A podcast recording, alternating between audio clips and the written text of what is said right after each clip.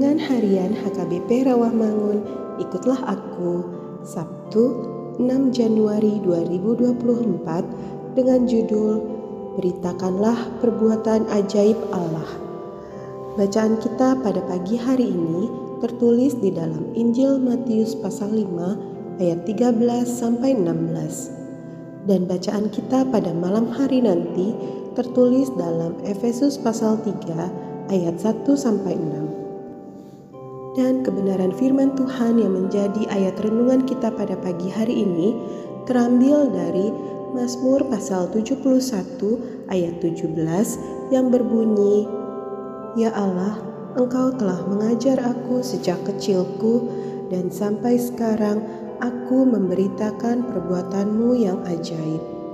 Demikian firman Tuhan.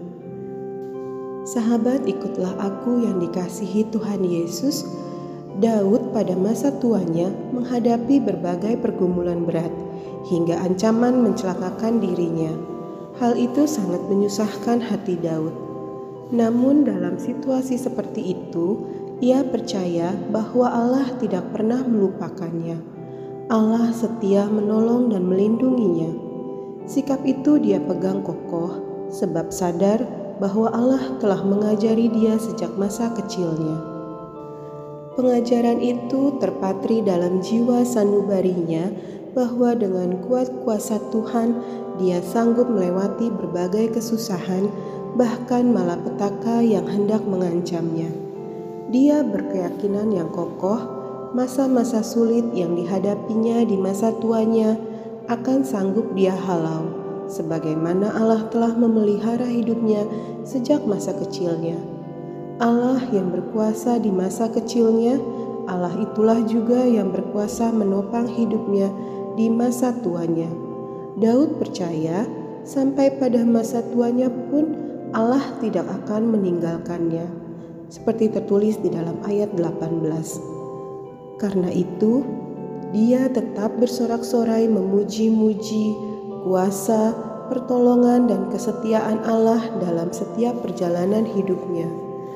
Maka hingga masa tuanya pun dia selalu memberitakan perbuatan Allah yang ajaib. Saudaraku yang kekasih, Allah pun telah mengajari kita akan kesetiaannya menolong kita. Dia tetap setia menopang dan menguatkan kita.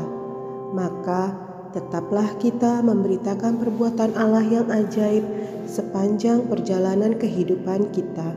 Sekelam apa pun dan seterjal apa pun jalan yang kita daki, marilah kita menapakinya bersama Tuhan yang setia memberkati, memelihara, dan melindungi hidup kita.